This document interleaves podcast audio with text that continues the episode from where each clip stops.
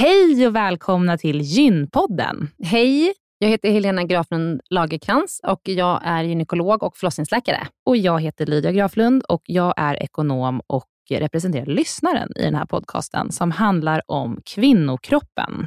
Det är vetenskaplig fakta om kvinnokroppen och det du hör i den här podden är det som man kan höra om man får träffa en läkare eller en barnmorska i ett eh, möte. Men ibland så bjuder vi in gäster som berättar om sina personliga erfarenheter och ibland är det också spekulation, men då är det verkligen tydligt att det är spekulation. Annars är grunden för den här podden vetenskaplig fakta om kvinnokroppen. Så är det. Hoppas att ni vill lyssna. Välkomna. Välkomna.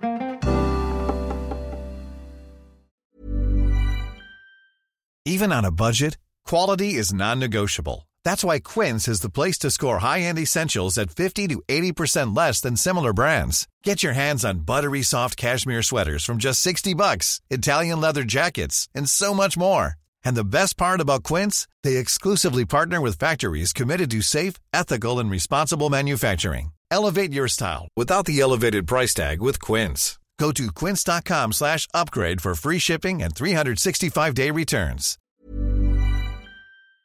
Den här veckans avsnitt av Gynpodden är sponsrat av Ester Care. Och Helena, det är ju det bolaget, vårdbolaget, som du och jag har varit med och startat, där vi erbjuder digitala vårdmöten med specialister inom kvinnovård. Precis.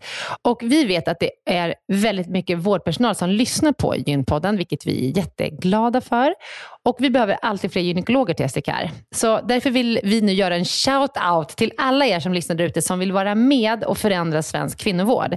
Vi söker specialister inom gynekologi, men också ST-läkare som har kommit en bit in i sin ST och som vill arbeta digitalt eh, med handledning på, hos oss på SDKR. Mm. Och precis som det är för våra patienter som kan söka vård hos oss, det vill säga att de kan bo vart som helst i landet eftersom vi är digitala. Om man laddar ner appen och så bokar man ett vårdmöte, så kan ju även läkaren bo vart som helst i landet eller flytta under tiden man jobbar hos oss. Det är ju väldigt, väldigt flexibelt eftersom eh, man jobbar hemifrån. Och Jag tänker att det måste ju också vara helt underbart att som läkare kunna arbeta hemifrån och planera sin egen tid några dagar i veckan. Ja, verkligen. Och samtidigt vara med och förändra kvinnovården med kollegor som är otroligt drivna och engagerade. Det är jätteroligt att jobba på SDKR. Och jag tycker att det här är en häftig grej som vi gör just nu, att vi erbjuder gyn, äh, gynvård i hela landet. Och vilka är de vanligaste patientmötena du tar, Helena? Ja, men det är ju klimakteriet, eh, PMS, eh, mensbesvär. Och det är ju såklart Eh, ärenden och eh, diagnoser som går att hantera digitalt. Men vi remitterar också vidare när det behövs mm. Eh, och tar labbprover när det behövs mm. och så vidare. Mm. Så gå in på sdcare.com, klicka på jobba hos oss i menyn för att läsa mer och skicka in en ansökan. Tack så mycket. Tack och välkomna. Hej, välkomna till Gympodden. Välkomna. Vi har ju pratat om mens förut mm. och endometrios, alltså svår mensvärk. Mens snackade vi om, det var det första avsnittet vi mm, gjorde, mm, i september förra året. Ja, precis. Men sen har vi också fått lite så här, eh, kommentarer om att vi vill gå in ännu mer på mens. Ja, men det var åter, ju väldigt high level. Ja, och åter, liksom, återkomma till det, gå in lite mer i detaljer, mm. eh, remind us vad som är normalt, vad som inte är normalt. Och därför har vi bjudit in ett superproffs på mens. Mm. Välkommen Lisa Söderman. Tackar, tack. Lisa, du är förlossningsläkare och gynekolog ja. och eh, fostrad på Södersjukhuset. Yes. Utbildad där. Men nu jobbar du på en privat gynekologmottagning sedan ett par år tillbaka och du har precis forskat och eh, skrivit din avhandling om mens och smärtlindring vid mens. Och endometrios. Och endometrios. Exakt. Eh, och vi ska prata om det, men jag tänkte att vi kanske, vi, vi säger ju ofta så här, ja den här läkaren skrev sin avhandling om ditten och datten, men vad är egentligen att skriva sin avhandling? Jo, men man kan ju disputera inom de flesta akademiska områden. Vad innebär disputera? Ja, men det är ju det när man skriver en doktorsavhandling och blir PhD, eller medicinedoktor som det heter på svenska. Mm. Och så brukar det innebära en forskningstid. Och inom andra, alltså juridik och typ ekonomi och sådär, mm. då brukar det ju vara att man gör det heltid i minst fyra år. Men inom medicin så ska man också jobba kliniskt samtidigt. Så att man jobbar kliniskt, de allra flesta jobbar kliniskt kanske, och forskar samtidigt. Och det är som att ta körkort i forskning. Mm. Det är mm. liksom att man går massa kurser i att lära sig läsa epidemiologiska data. och så här.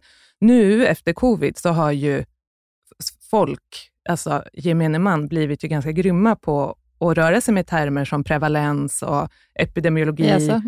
Ja, men efter Tegnell har ju liksom... Ja, verkligen. Alltså Ja, hur, hur men roligt in- var det inte i början när de här eh, aktuella... De alltså, de kunde inte säga epidemiolog. epidemiolog. Det Nej. var ju fel varje gång. Nu kan alla säga Nej, epidemiolog. men exakt. Mm. Och, så att medvetenheten kring att det finns ett ämne som är, heter liksom epidemiologi och hur man forskar fram läkemedel, allt sånt har ju belysts lite grann nu Mm. med covid Mm. ändå.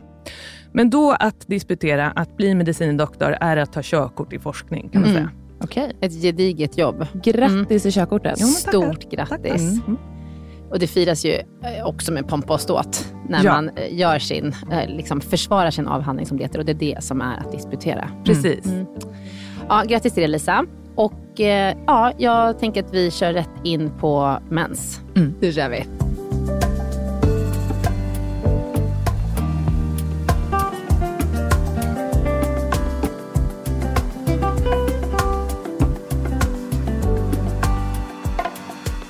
Lisa, vad, vad är mens? Om man tänker liksom lite mera i detalj.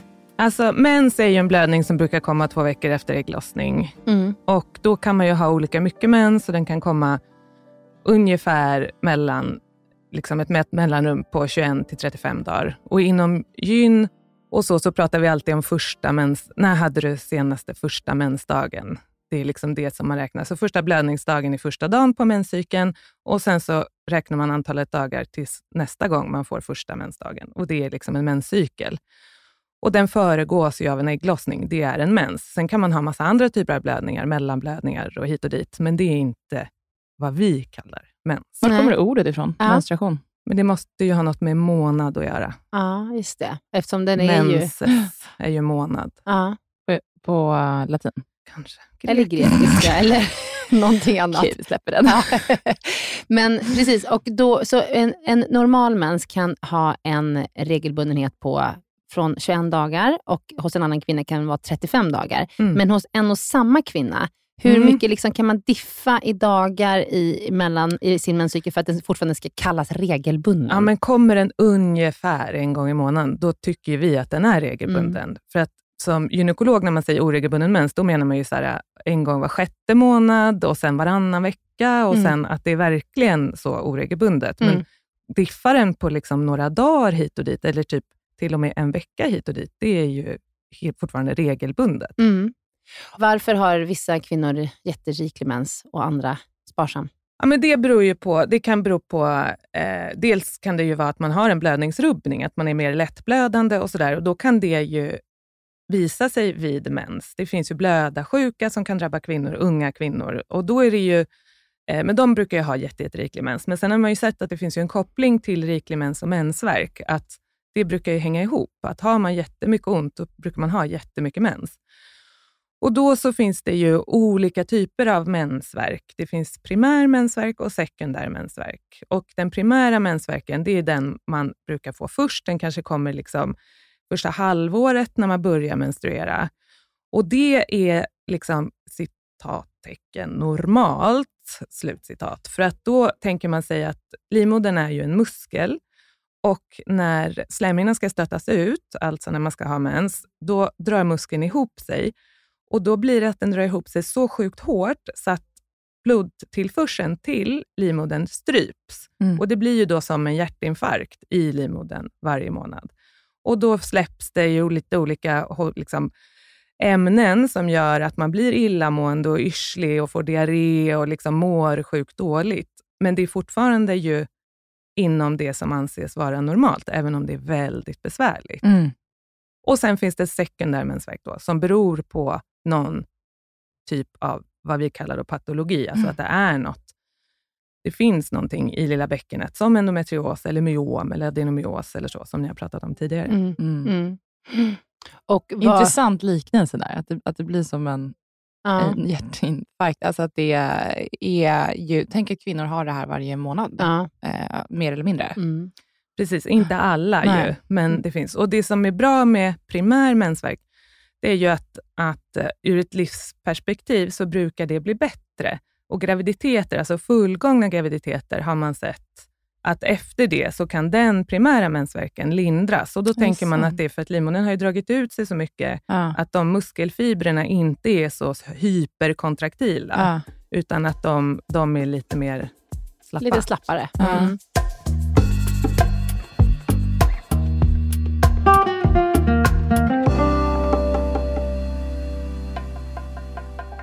Vi ska komma tillbaka lite mer till mensvärk och endometrios, men jag tänkte vi hoppade lite över vad det är som händer i livmodern vid mens. Det här med att slemhinnan byggs upp och så. Ska vi... ehm, Alltså man kan ju lyssna jättemycket mer i detalj på vårt första avsnitt, Ja. men vi kanske kan ta det lite övergripande. mm.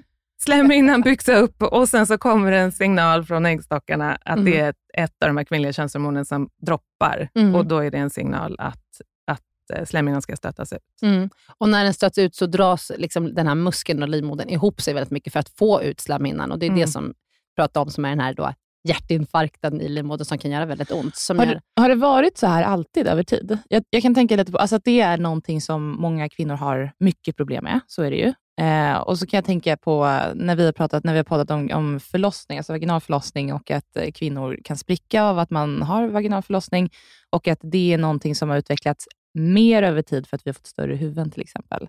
Har kvinnor historiskt sett i tiden alltid haft det här typen av problem eller är det någonting som har utvecklats? Eller hur är det liksom... Alltså det, För det känns så jättesvårt- felkonstruerat på något sätt att man ska må så dåligt av det. mm. Eller?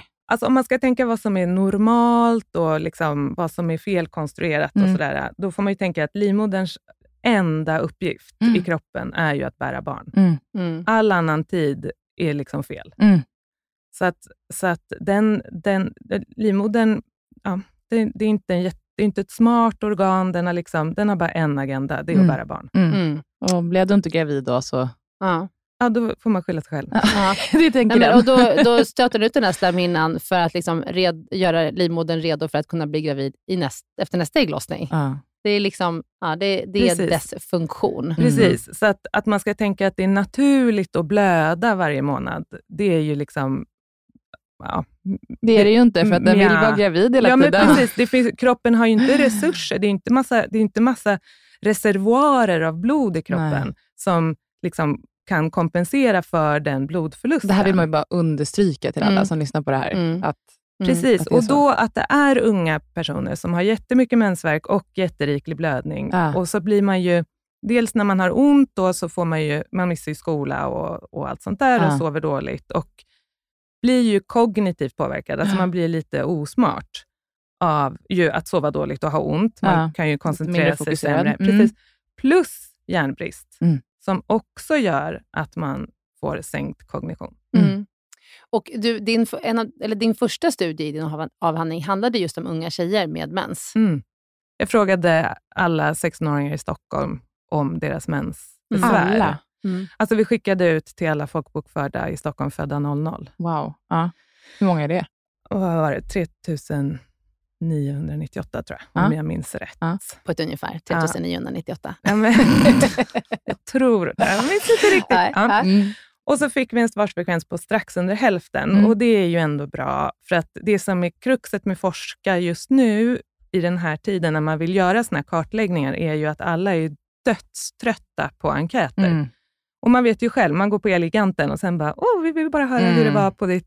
Mm. Vad tyckte du om besöket? Mm. Så att, så att folk, alla är ju jättetrötta på liksom, utvärderande enkäter och sådär. Mm. Men så att jag var ändå nöjd med den svarsfrekvensen. Men då, om man tar ut forsknings, forskningsperspektiv, måste man ju tänka, vilka är de här 45 procenten som har svarat? Mm. Och då förstås. Men av de som svarade, så, så var det ju jätte- jättemånga som hade väldigt mycket besvär. Och 14 procent var hemma från skolan varje månad på grund av mensvärk. Mm. Det, det här har ju vi pratat om så mycket, eh, Lydia, i olika poddar. om. Alltså, det här är ju ett, det är ju ett problem för jämställdheten, att flickor och kvinnor är hemma från jobbet och skolan Mm. varje månad. Det är Mm. svårt att ta till sig lika mycket information som om man Mm. inte behöver vara hemma varje månad. Och var det inte också så att 59 procent avstår sociala aktiviteter?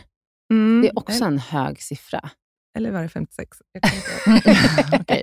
Någonstans mellan 50 och 60 Ja, ö- procent. Över hälften avstår sociala aktiviteter varje, varje månad Ja. på grund av mens. Ja, de träffar vänner eller Ja. går och Ja, men var det, jag tror inte det var varje månad, Nej, okej. utan det var att man har gjort det, att man har Ja. avstått. Ja. Mm. Okej, du kan din forskning bättre än jag. Det var ett tag sedan jag läste studien också. just den. Men det är väldigt intressant. Eller, det, och det är ett otroligt, det belyser ju problemet. Ja, men det som var så här, med den studien, det som jag tyckte var viktigt var ju att, och det är känt sedan innan, Mm. att unga personer, och gamla för den delen, folk tar ju inte läkemedel som man ska. Mm. Och det får man ju lära sig på läkarlinjen. Att det är så här, om man förskriver ett läkemedel, hur stor andel kommer att ta den medicinen på exakt rätt sätt? Och det är ju till slut, vad är det, 10 procent? Mm. Att det är så här, för folk hämtar inte receptet, går inte till apoteket, de tar inte medicinen, läser inte instruktionen. Så att det är ju verkligen en lång väg. Gud Mm. vad jag kan känna igen mig i det. Nej, men och så är ju alla. Ja. Ja, alla är så. Ja. Och sen så, Det- Du måste ju avvika från din vardag för att göra alla de här grejerna. Nej, men precis, det är ju det. precis. Liksom. Ja. Och just då, för unga personer med mensvärk, då är det ju så här att ja, oavsett vad den beror på, första behandlingen är ju smärtstillande.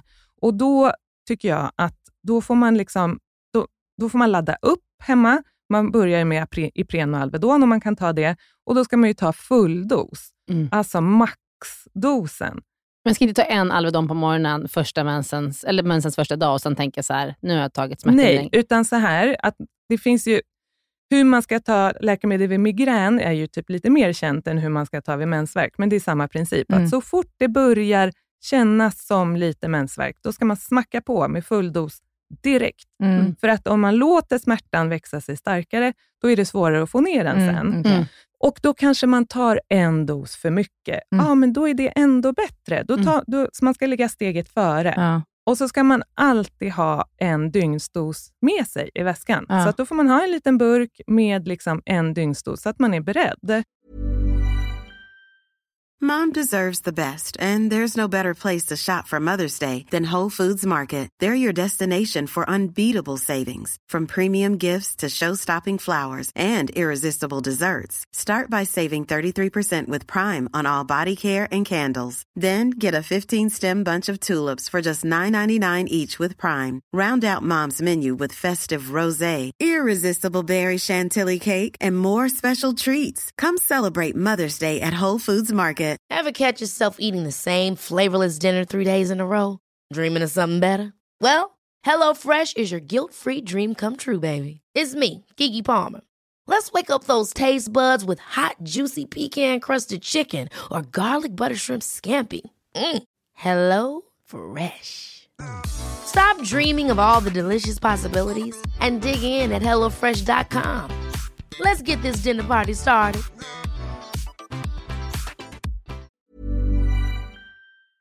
Den här veckan så är Gynpoddens avsnitt sponsrat av hemsidan mittpreventivmedel.se som är en eh, informationshemsida gjord av Bayer. Mm. Och vi har pratat om den tidigare i avsnitt eh, om att eh, det finns olika tester du kan ta, eller det finns ett test du kan ta. Du kan också gå in och jämföra olika preventivmedelsmetoder för att se vilka som är bäst för dig och du Mm. kan titta på en film där Mm. du kan förbereda dig inför att du ska träffa barnmorska eller gynekolog och skaffa ett pre- preventivmedel.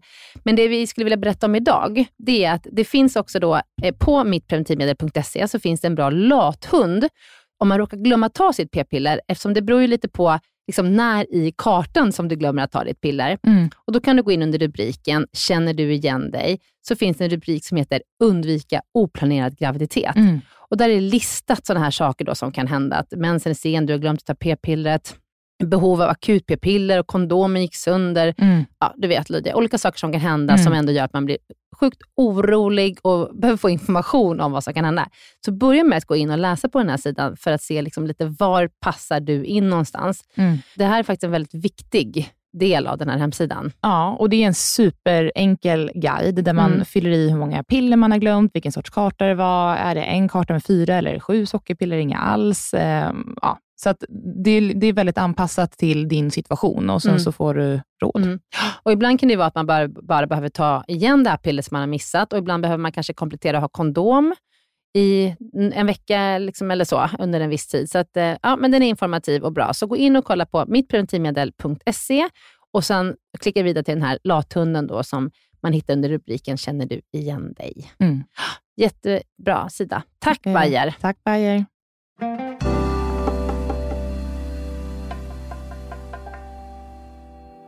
Det här leder oss in på, på behandlingar. Mm. Vi kanske kan prata övergripande om vilka behandlingar det finns och Mm. gå in på dem. Men Mm. då smärtstillande tar jag som att det är en behandling som du får. Ja, och om man, är, om man har, liksom, eh, oavsett om det är primär eller sekundär mensvärk, har man mensvärk så ska man ju börja med smärtstillande. Mm. Och då måste man ta full dos, för annars så hjälper det ju inte. Och det, man måste upprepa dosen och så. Och då har man sett i studier att det gör ju folk inte. Mm.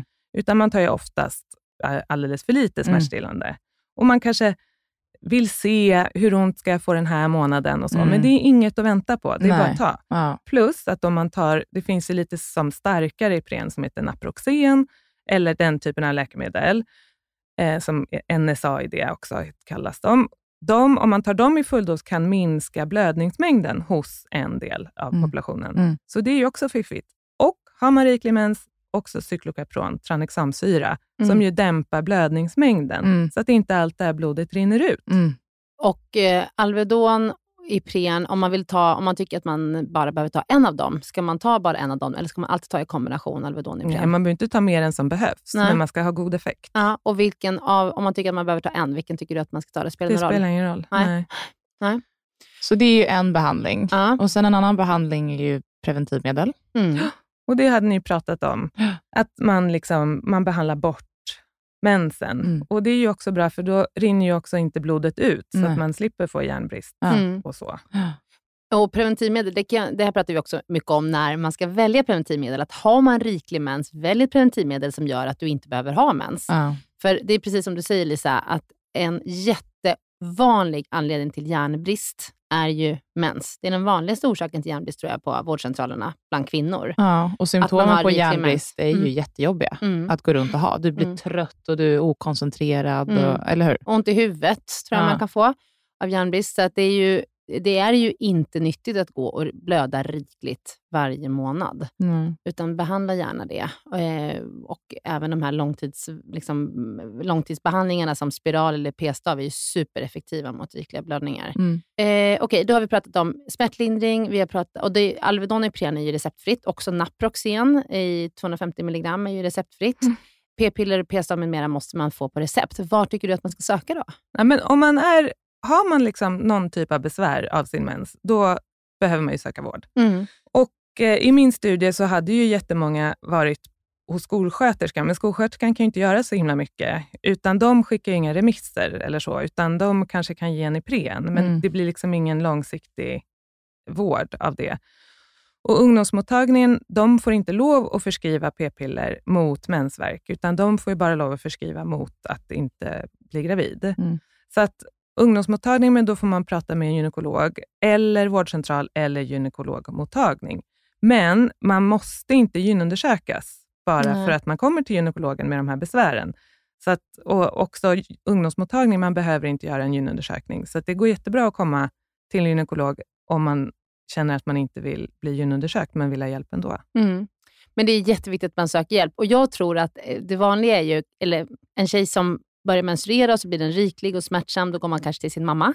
Ja. Och så frågar man mamma, jag har så himla ont. Och då säger mamma, ja, så här är det, för så här har jag också haft det. Mm. För det är oftast ärftligt. Mm. Och att man måste liksom verkligen på, liksom understryka att det behöver inte vara så här. Nej. Utan se till att era döttrar söker hjälp. Mm. Och om du hör det här, gå... Och, och det också, vi kommer, om du kommer till oss gynekologer, vi kommer inte pracka på dig en spiral mot din vilja. Det gör vi inte. Men vi kommer ge dig grundlig och relevant information så att du själv kan bestämma vad som är bäst för dig. Mm. Och det skadar inte att gå och prata med någon om man har besvär. Och sen så finns det ju eh, en viss hormonskepsis. Mm. Ju. Mm. Mm. Och, eh, ganska stor sådan skulle jag säga. Ändå. Mm.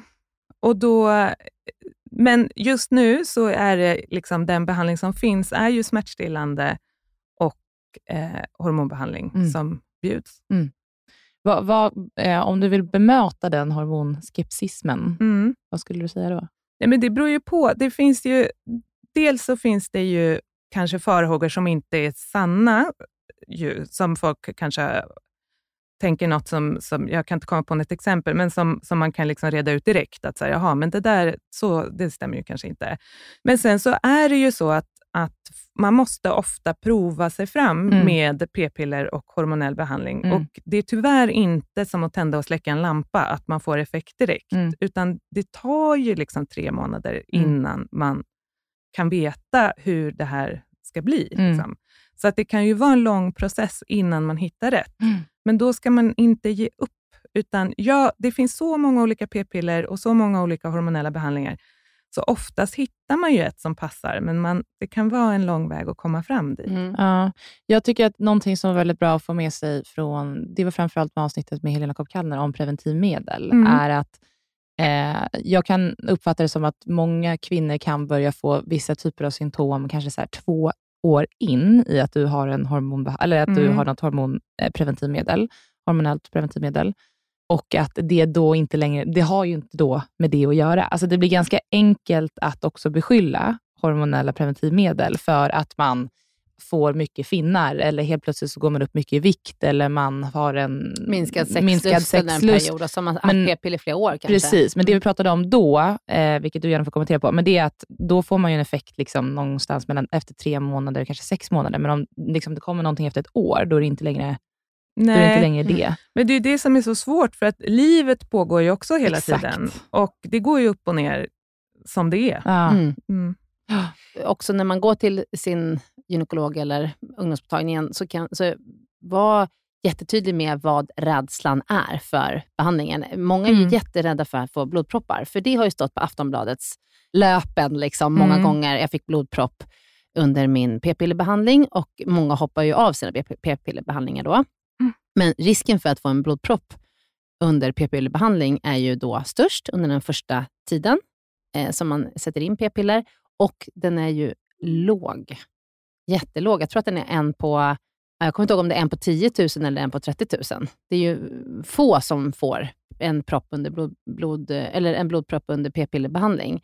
Och risken, jag brukar dra argumentet att om man är till exempel sexuellt aktiv och inte har en eh, preventivmedelsmetod som fungerar och så blir man gravid eh, och då vill avsluta den graviditeten, risken för att få en blodpropp under graviditet är ju alltså, den är så otroligt mycket högre. Mm. Så att, liksom, att ta den risken bara för att man är rädd för att blodpropp under p-pillerbehandling är ju, liksom, det är ju baserat på väldigt mycket okunskap tycker jag. Mm. Och så kan man ju också välja p-piller som inte har östrogen i. Då finns det ju noll ökad risk. Mm. Och eh, det är ju ja, det, är det som folk kallas minipiller, men det är ju Mm. ba, innehåller, innehåller bara guldkroppshormon.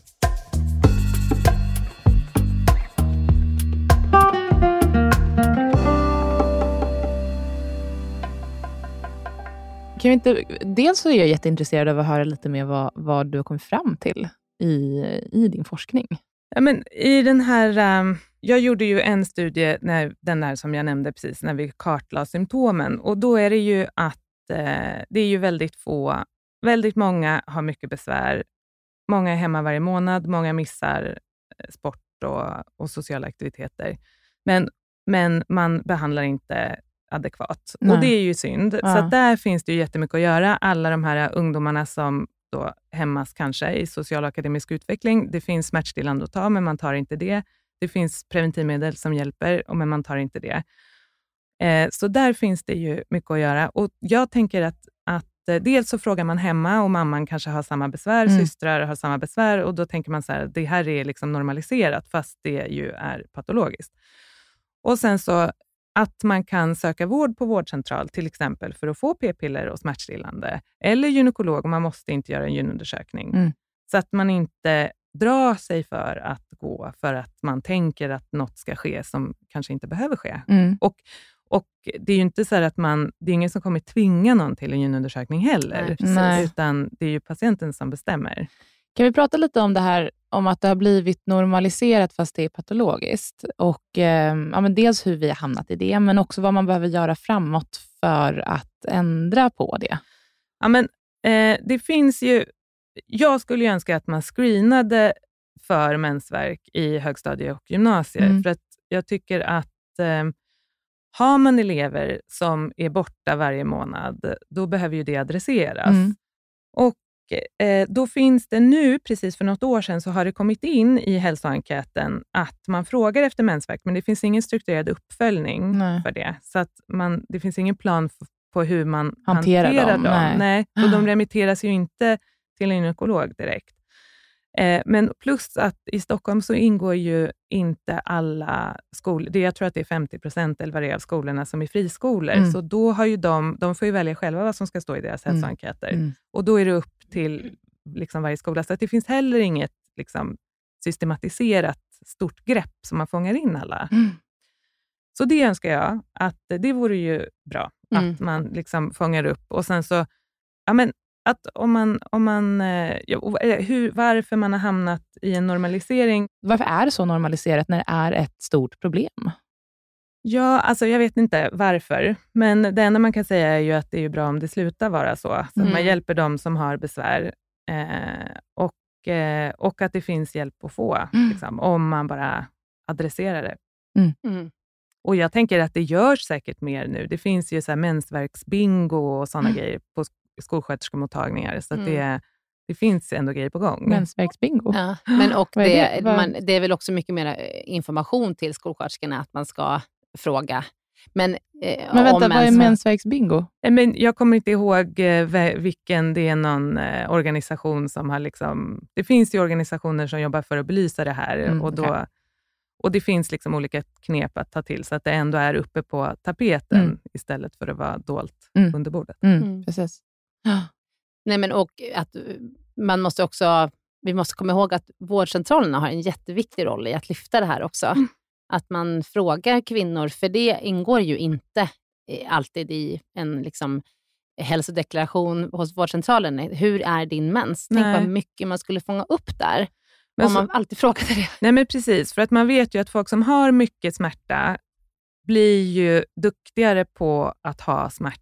Mm. Alltså det är som att spela tennis. Ju fler timmar du spelar tennis, desto duktigare blir du på tennis. Ju Mm. fler timmar du har ont, desto snabbare blir hjärnan på att registrera smärta. Och sen så, då har man ju en större risk för kronisk smärtproblematik och det är ju jättesvårbehandlat. Så att, att ta bort mensen tidigt och mensvärk tidigt är ju en enorm investering för att då förhoppningsvis kunna slippa hamna i ett kroniskt smärttillstånd. Mm. Så eh, om man skulle ta bort den primära mensvärken, du, du sa att det är ju ofta relaterat till att man har mycket mens, har man mera mensvärk.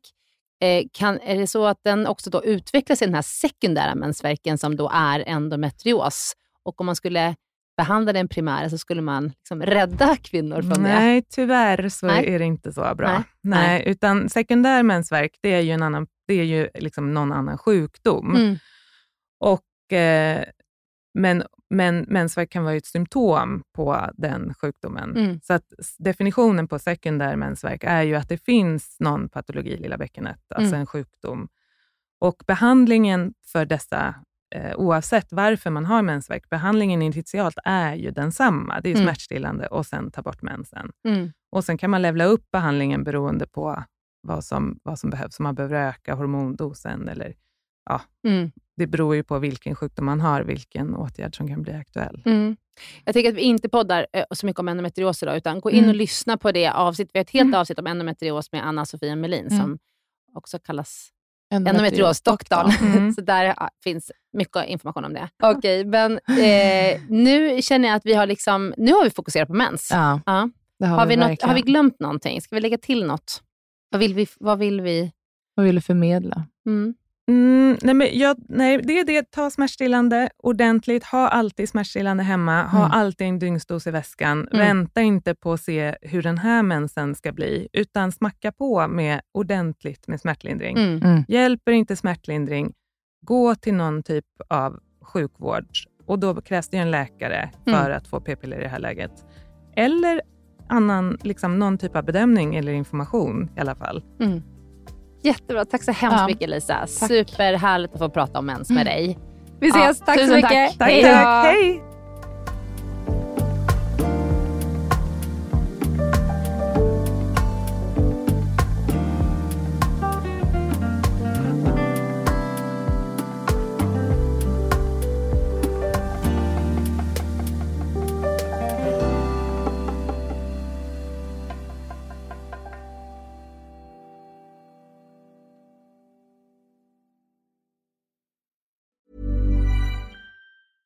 Ever catch yourself eating the same flavorless dinner three days in a row?